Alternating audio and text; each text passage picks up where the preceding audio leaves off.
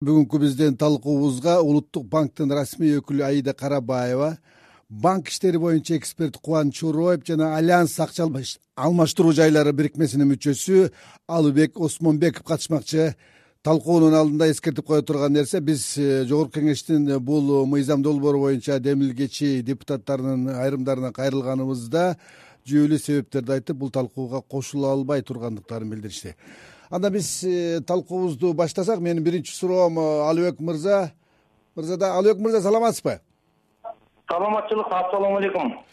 Бар болуңуз э, мына жогорку кеңештин депутаттары кыргызстандагы акча алмаштыруучу жеке жайларды жабуу боюнча тиешелүү мыйзамдарга өзгөртүүлөрдү киргизүү боюнча демилгелерди көтөрүп жатышат. Мыйзам долбоору коомдук талкууга чыкты деген маалыматтар айтылды. Мына сиздердин бирикме бул демилгени кандай кабыл алып жатат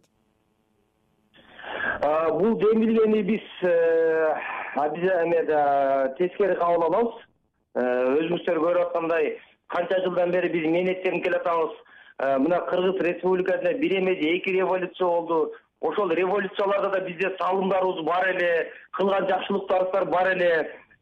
Жашоодо ушул валюта системасында мен иштегенден бери бир эмес мына үчүнчү кризиске туш келип атабыз. Ушул кризисте деле биз өзүбүздүн ордубузду туруп айткан сөзүбүздү кылып э, мамиле кылып келатабыз. Бул маселе эки миң алтынчы жылдан бери эле козголуп келаткан эки миң сегизинчи жылы дагы козголгон эки миң он төртүнчү жылы катуу козголгондо темир сариев премьер министр болуп турганда чоң э, столдо отуруп темир сариевдин сөзүн айткым келет. Бул жерде бул ал экономика менен э, багыты бар экономикада түшүнүгү бар киши.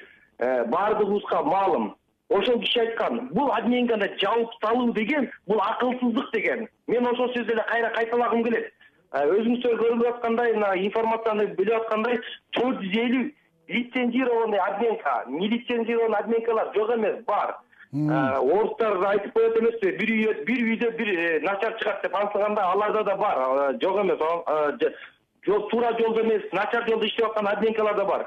Ошолорду биз айтып атабыз жардам берели жабалы жок кылалы ошолорду.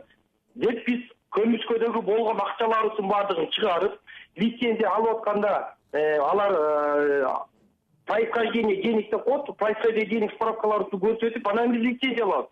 Лицензия алыш да оңой эмес.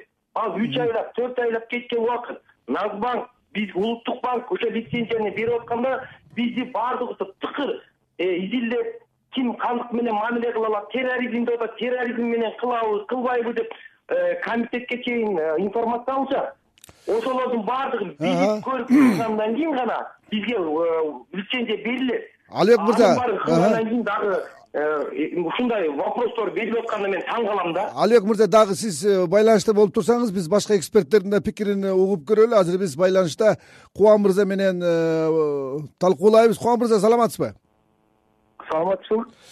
Мына жогоруда э, кептин төркүнүн түшүнүп атасыз деп ойлойм. Депутаттардын негиздемесинде э, мыйзамга өзгөртүүлөрдү киргизүү республиканын валюта рыногунда улуттук банк тарабынан көрүлүүчү көзөмөлдөө чараларынын натыйжалуулугун бүтүндүгүн жана коопсуздугун камсыз кылууну максат кылат дейт мыйзам долбооручу. Чындап эле эгерде ушундай мыйзам кабыл алынса натыйжа болот деп ишенесизби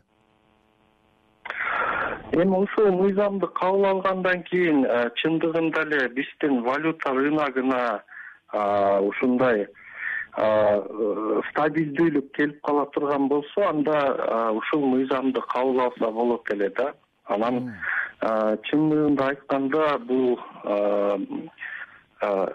бул мыйзамды кабыл алуу биздин валюталык рынокко эле эмес экономикага өтө чоң зыян келтирет да эмне себептен дегенде биздин бүгүнкү күндө негизги ушул ушул ири базарлар бар да бизде дордой кара суу мадина жана башка базарлар да. Ошондой эле соода тармагы жалпылап айтканда анан ушу россия менен казакстан менен тажикстан менен өзбекстан менен ушул сооданын байланышы накталай акчанын жүгүрүшү менен байланышкан да. Биз эгерде бүгүнкү күндө ушул мыйзамды кабыл ала турган болсок анда кыргызстанда накталай акчанын жүгүрүшүн биз кандайдыр бир деңгээлде чектеп салып атабыз. Демек биз ушул базарда иштеген сооданын солкундоосун алып келет да бул. Канча деген бүгүн бир жарым миллиондон ашык адам ушул базарлардын базарларда жана базарлардын тегерегинде соода менен байланышкан да иши. Мына ошого чоң залалакасын тийгизет анан ошо эгерде ушул мыйзам менен валюта рыногун баягы туура э, иштегенге алып келет десе анда мен мен э, бир эле жагын айта алам эмнеге алып келе алат? Бул албетте ушул соода кыргызстан соода тармагына доосун кетирет. Экинчиден э, ушул банктардын коммерциялык банктардын акча алмаштыруудагы алган маржасын пайдасын көбөйтөт. Ушул эки эле Э, нерсеге алып келет да э, рахмат дагы байланышта болуп туруңуз. Биз ушул маселе боюнча улуттук банктын расмий өкүлү аида карабаева менен байланышып бул мыйзам долбооруна улуттук банктын көз карашы кандай. Мурда демилгеленген улуттук банк аркылуу демилгеленген мыйзам долбоор эмне үчүн өтпөй калган деги эле э, чындап эле ушундай максат коюлуп жатса анда өлкөдөгү акча саясатын турукташтырууга бул демилге өбөлгөсүн түзөбү деген темада суроо узаттык эле анын пикирин угуп көрөлү? Э, биринчиден бул жерде айтып кетчү нерсе мурун эки миң он бешинчи жылы улуттук банк тарабынан ушундай мыйзам э, негизи баягы киргизилген болчу да башкача айтканда ушундай мыйзам иштелип чыгып ошо мамлекеттик органдар менен жана ошондой эле талкууга коюлган да бирок ал убакта бул мыйзамды колдобой кабыл алынган эмес да. Негизги ошондо улуттук банктын негизги бир себептеринин бири ушундай мыйзамды баягы киргизгенинен бул эки миң он бешинчи жылы жанагы лицензиясы жок иш алып барган акча алмаштыруу жайларынын саны болгон да биздин баамдоолор боюнча ошо эки миң он бешинчи жылы алардын саны бир алты жүз жети жүз мындай точкага чейин жеткен да азыр болсо азыр деле баягы ушундай лицензиясы жок ишин жүргүзгөн акча алмаштыруу жайлары дагы жок эмес да. Бирок азыр баягы эки миң он бешинчи жылдага караганда тыйла азыраак э, жакын мындай болжолдоштуруп айтканда бир үч жүз э, точкага жакын. Андан тышкары ошондой баягы ушундай лицензиясы жок иш алып барган акча жайларынын көптүгү болгону бул дагы жанагы административдик э, штрафтардын мындай төмөнкү суммасы болгон да. Ал убакта ошондо бир жарым миң сом гана болчу да. Эгерде мисалы кандайдыр бир ишкер лицензиясы же болбосо уруксат берүүчү документтери жок ушундай акча алмаштыруу жайларын ачып алып иштеп аткан болсо ошону баягы тастыктаган күнү административдик штраф болгону бир жарым миң сом гана болгон дачы мисалы он жетинчи жылды алсак эки миллион эки жүз элүү миң сом өлчөмүндө айып салынган болчу. Он сегизинчи жылы эки миллион алты жүз миң сом өлчөмүндө бул ошо айып айдайм дагы бир суроо да мына сиздин сөзүңүзгө караганда бул акча алмаштыруучу жайларына мыйзамдык талаптарды көзөмөлдүү тартипти мындай күчөтсө деген пикирдесизби негизи анткени албетте биз күчөтүп келеатабыз ушул азыркы учурда бизге бул мыйзам азыр официалдуу түрдө кабылга келди. Муну да биз караштырып атабыз. Негизи бул дүйнөлүк практикада ошо акча алмаштыруу операциялары банктар аркылуу жүргүзгөнү негизи эл аралык практикада негизги колдонулган нерсе. Улуттук банк жеке э, акча алмаштыруучу жайларды жабуу демилгесин колдойт деп түшүнсөк болобу? Кандай десем эгерде э, ушул мыйзам кабыл алган болсо э, мисалыде э, негизи банк системасы жана ошондой эле улуттук банк мындай ушундай мыйзамды негизи мындай баягы баардык жактан карап туруп негизи колдойт деп айтса дагы болот. Рахмат биз менен байланышта талкууда улуттук банктын расмий өкүлү аида карабаева болду. Азыр биз алыбек мырза менен байланышабыз. Алыбек мырза угуп атам мына жогоруда улуттук банктын өкүлүнүн э, э, пикирин уктуңуз. Андан сырткары мына демилгечи депутаттар менчик акча алмаштыруучу бюролор операциялар тууралуу маалыматты жашырып жатышат. Валюта курсун негизсиз жогорулатып жатышат. Мындай аракеттер менен сомдун кунун кетирүүдө деп сиздер тарапка ташыркытып атат да. Сиздин пикириңиз кандай? Сиздер өзүңүздөр уктуңуздар өткөндө э, дебатта акча алмаштыруучу жай өзү алты эле процентти түзөт туурабы? Токсон алты процент бул коммерческий банктар микрокредитный компаниялар дагы жана башка акча алмаштыруулар да экен да. Эгер токсон алты процент түзүп атса алты процент эмнени өзгөртө алат? Эч нерсени өзгөртө албайт? Анан жана аида эжеке айтып кетпедиби аида эжеке менен биз дагы көп жолукканбыз. Аида эжеке мен абдан жакшы тааныйм э, бул маселе менен көп сүйлөшкөнбүз жанагы штрафтарды айтып атат. Штрафты мен да төлөгөм. Э, орустар айтат го где нарушение где движение там и нарушение дейт. Бизде нарушение кылып штрафты мен да төлөгөм. Биз наз банк менен улуттук банк менен дайыма иштегенге дайым даярбыз. Жок кылып салуу оңой. Бар кылыш абдан кыйын. Ушул бар нерсени кайра бир закон ченемдүү кылып давай мындай иштегиле мындай кылгыла мындай кыла деп. Бизге айткан нерсенин баарын кылып келатабыз биз көбүнчө экономикадагы эмеңер мурда биз бир миллион сом көрсөтсөк азыр алты миллион сом көрсөтөбүз кассабызга болжол деп айтып атам да. Биз ачыкка чыктык эми ошол нерсени биз улуттук банктар менен сүйлөшүүлөр менен чыгып атабыз да. Биз өзүңөрдүн эмеңерди кылгыла биз өзүбүздүкүн кылабыз деп. Курстун өтө ылдый болуп кеткенине обменкалар эч кандай залалын келтире албайт. Дүйнө жүзүндө кара мунай зат канчалык арзандады өзүңүздөр билесиз мен мунай затты билем практика дамы боюнда жүз кырк үч доллар бир баррель болчу. Өткөндө ошол он жети доллар он алты долларга түштү. Эмне болуш керек? Инфляция болуш керек да. Ошондой эле бизде сомдун куну кетиш керек. Биз азыр сүйлөшүп карап отуруп теңгенин куну эки жүз элүү эсеге түшкөн экен. Биздин сом өзүңүздөр карап атсаңыздар отуз сегиз сом кырк сом болчу да биз ошо биз иштеп баштаганда. Азыр сексен сом жүз процент экен а казактардыкы эки жүз элүү орустардыкы жыйырма төрт болчу. Азыркы күндө сексенге барды. Ал да бир эки жүз элүү процентти чамалап турат да. Рахмат дагы эме байланышта болуп туруңуз азыр биз кубан мырза менен байланышабыз. Кубан мырза мына э, маалыматтарда айтылып атат үстүбүздөгү жылдын биринчи кварталында он беш текшерүү болуп текшерүү жүргүзүлүп анын жыйынтыгы менен элүү жазуу түрүндөгү эскертүү берилген экен сегиз ооз эки эскертүү берилген он бирөөнүн лицензиясы убактылуу токтотулуп бирөөгө айып салынды деп атат. Мына ушулардын өзү бул акча алмаштыруучу жайларда мыйзамсыздык күч мыйзамсыздык көп дегенди билдиреби эми маселе мындай да мындай практикада мындай боло берет да күнүгө эле. Андай мисалы банктарга деле ар кандай санкцияларды колдонот да улуттук банк анан негиздүү жерлери да бар. Бирок маселен муну менен бул мыйзам долбоорун негиздегенге болбойт да. Анткени себеби ар бир мыйзам долбоору кандайдыр бир деңгээлде бир принциптери болуш керек да. Кандай таасир берет? Мисалы экономикалык негиздөөсү болуш керек. Анан бүгүнкү күндөгү ушул мыйзам долбоорунун экономикалык негиздемеси жок деп айтсак болот да. Анткени себеби жаңы эле айтып өтпөдүбү бул акча алмаштыруучу жайлардын валюталык курска болгон таасири жок андай андай чоң деңгээлде. Тескерисинче өткөн апталарда ушул улуттук банк өзү ушундай кандайдыр деңгээлде провокацияларды жасап жиберди да валюталык рынокточу интервенциянын ордуна.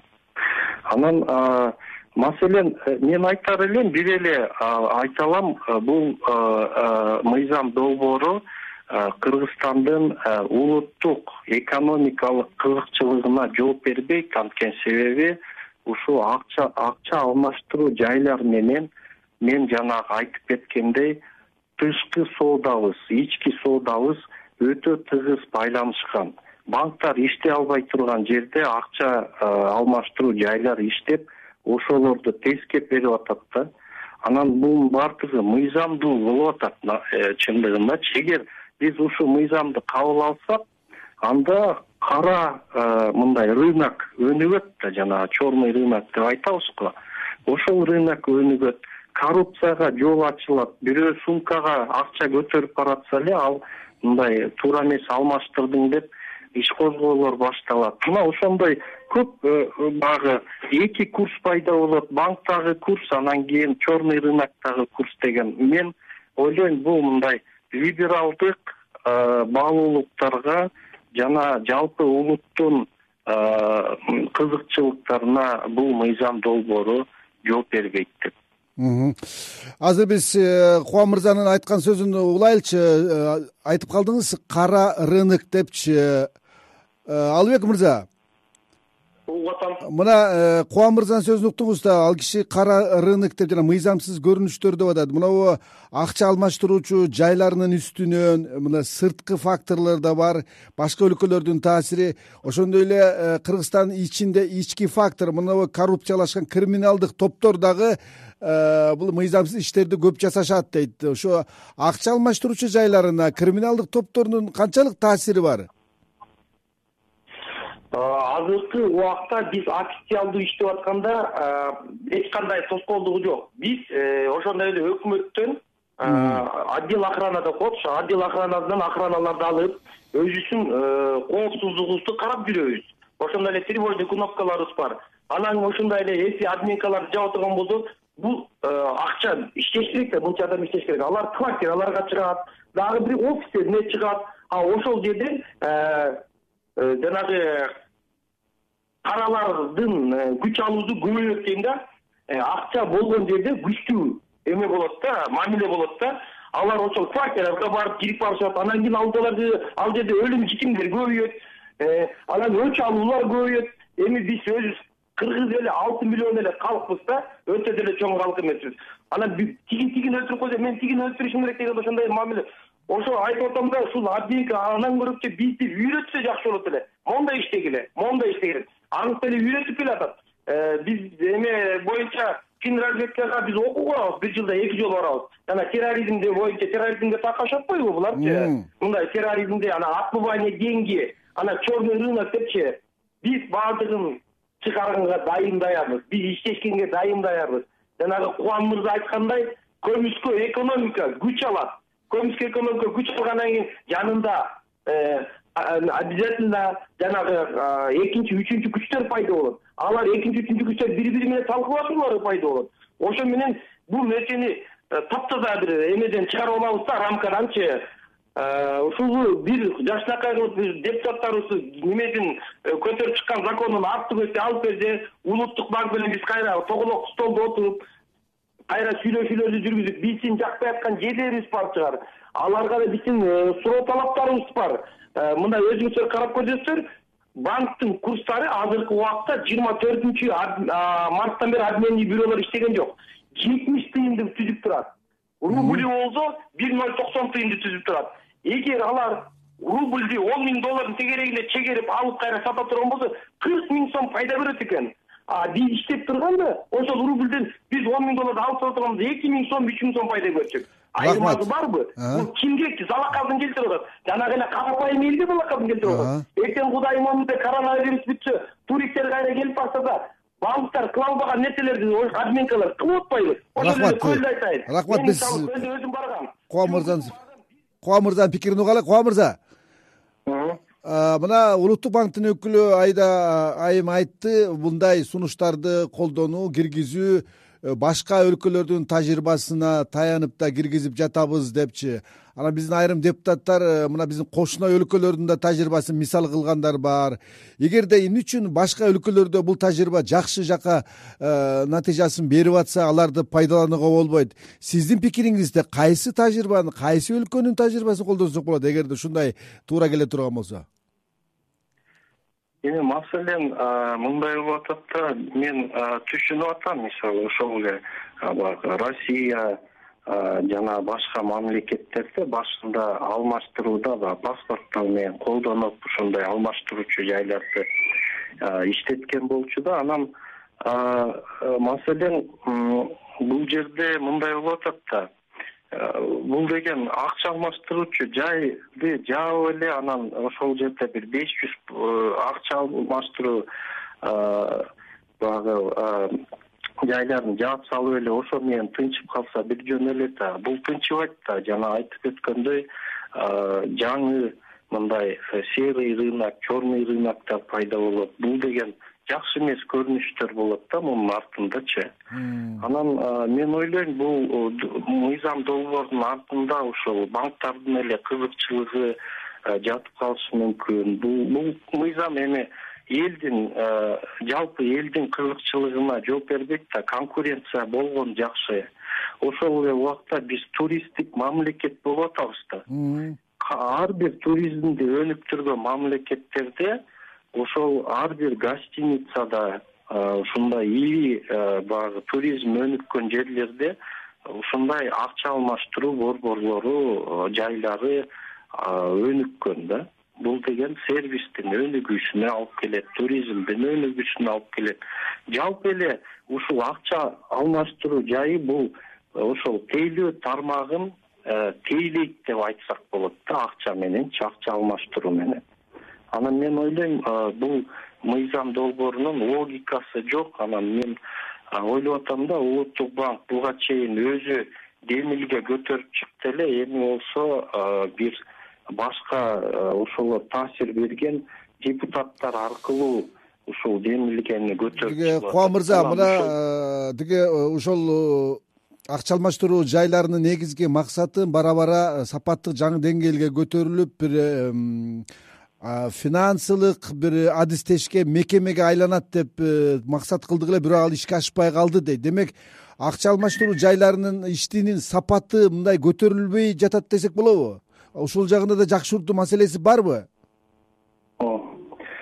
Маселе мындай да чындыгын айтканда бүгүнкү күндө бул акча алмаштыруу жайлары эмне үчүн иштеп атат? Анткени себеби ага талап бар талап каяктан жаралып атат. Талап биздин кыргызстандын ошол соода саттык тармагынан тейлөө тармагынан жаралып жатат да.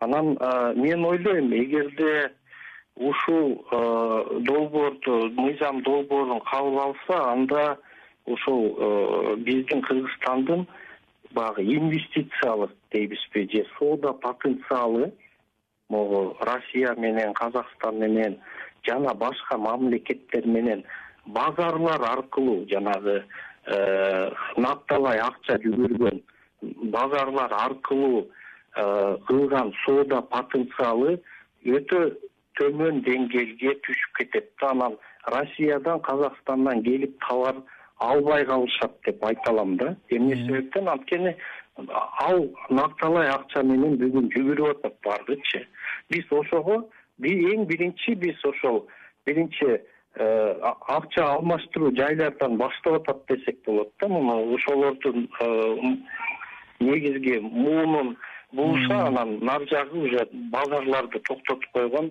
оңой эле да. Бирок канчалаган миллиондогон миллиондогон киши жүз миңдеген киши ишсиз калып атат да. Рахмат.